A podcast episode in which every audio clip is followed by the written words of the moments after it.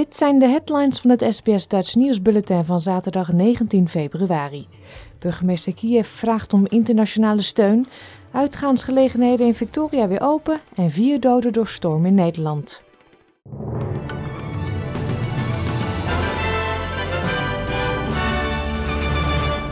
De veiligheidschef van Oekraïne waarschuwt voor mogelijke Russische provocatie en terugslag na beweringen dat Oekraïnse troepen aanzetten tot geweld. Alexei Danilov is bezorgd dat de evacuatie van bewoners uit Oost-Oekraïne een poging is om de regeringstroepen te provoceren. En de burgemeester van Kiev vroeg tijdens een veiligheidsconferentie in München om meer internationale steun om de crisis aan te pakken. Het lijkt erop dat Moskou de westerse waarschuwingen voor een Russische invasie probeert te weerleggen en in plaats daarvan Oekraïne afschildert als de agressor in het conflict. De burgemeester van Kiev zegt dat er wapens nodig zijn om te verdedigen en dat eventuele aanvallers de gevolgen zullen dragen. And every aggressor who just think to attack Ukraine have to understand they have to pay painful price. We're ready to fight. We're ready to defend our families, our states, our cities our citizens. We need support. De Amerikaanse president Joe Biden zegt dat Russische troepen van plan zijn de komende dagen Oekraïne binnen te vallen en dat de hoofdstad Kiev wordt bedreigd. Hij zegt dat door Rusland gesteunde separatisten desinformatie verspreiden over Oekraïnse aanvallen en dat er geen bewijs is om dit te bevestigen. Ondertussen zegt de plaatsvervangend nationale veiligheidsadviseur van de VS dat het Rusland ter verantwoording wil roepen voor de recente cyberaanvallen op de website van het ministerie van Defensie. President Biden zegt dat Rusland een beslissing moet nemen, kiezen tussen oorlog en diplomatie, om een einde te maken aan de escalerende crisis. Ook beloofde hij het Oekraïense volk te steunen.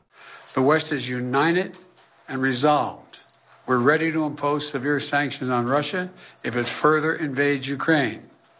But I say again, Russia can still choose diplomacy. It is not too late to de escalate and return to the negotiating table. De Amerikaanse klimaatgezant John Kerry vreest dat de spanningen tussen Oekraïne en Rusland de aandacht zullen afleiden van de wereldwijde strijd tegen klimaatsverandering. De voormalige minister van Buitenlandse Zaken waarschuwt dat stijgende energiekosten als gevolg van de crisis beslissingen om maatregelen die nodig zijn om de uitstoot van broeikasgassen terug te dringen kunnen vertragen. Tijdens de veiligheidsconferentie in München zei hij dat de geopolitieke kloof geen positief effect zal hebben, terwijl dit juist een cruciaal is voor de wereld om actie te ondernemen jegens het klimaat. The prices of fuel will inevitably rise even more. It will push people towards the path of least resistance, which we are already too much locked into. And that will bring about the path of greatest destruction. And that's the path we are currently on. In Victoria konden gisteravond de voetjes weer van de vloer, want dankzij de versoepeling van de coronamaatregelen zijn nachtclubs en andere uitgaansgelegenheden weer open. Ook is de beperking van het aantal mensen per vierkante meter komen te vervallen en hoeft men niet langer in te checken bij winkels en op scholen. Er mag ook weer gedanst worden in New South Wales en de ACT. Regels zullen naar verwachting volgende week verder versoepelen. Ondertussen meldde Victoria vanmorgen 20 COVID-gerelateerde doden en 6.280 nieuwe besmettingen. Er liggen 365 mensen met het virus in het ziekenhuis, waarvan 55 op de intensive care en 13 aan de beademing.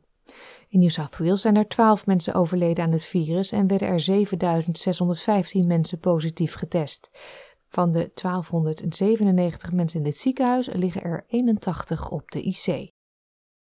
SBS Nieuws heeft documenten in handen gekregen waaruit blijkt dat een gerenommeerd reclamebureau op het gebied van maatschappelijke verantwoordelijkheid samen met de Australische regering een filmwedstrijd heeft uitgeschreven waarin de risico's van illegale migratie worden getoond.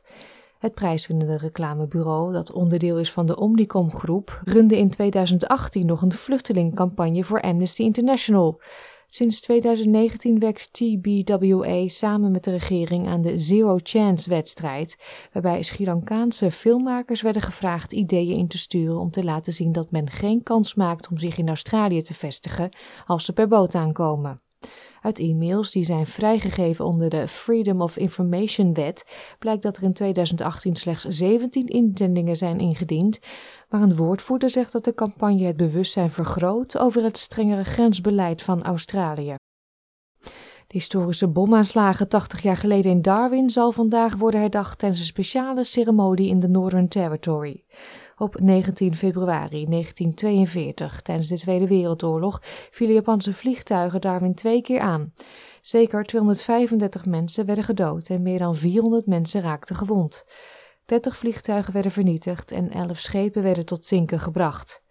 Afstammelingen van het Darwinse Larakia-volk zullen de ceremonie ook bijwonen om te erkennen hoe indigenous en niet-indigenous mensen samenwerkten tijdens de oorlog. De storm Eunice heeft in Nederland aan vier mensen het leven gekost. Op drie plekken in de regio Amsterdam kwam iemand onder een boom terecht. Bij de Groningse plaats Adop botste iemand op een omgevallen boom op de weg. In de Brabantse Boekel is een bejaarde vrouw zwaar gewond geraakt toen een boom omwaaide en op haar viel. Ze ligt met meerdere botbreuken in het ziekenhuis. Door de zware storm was het noodnummer 112 overbelast.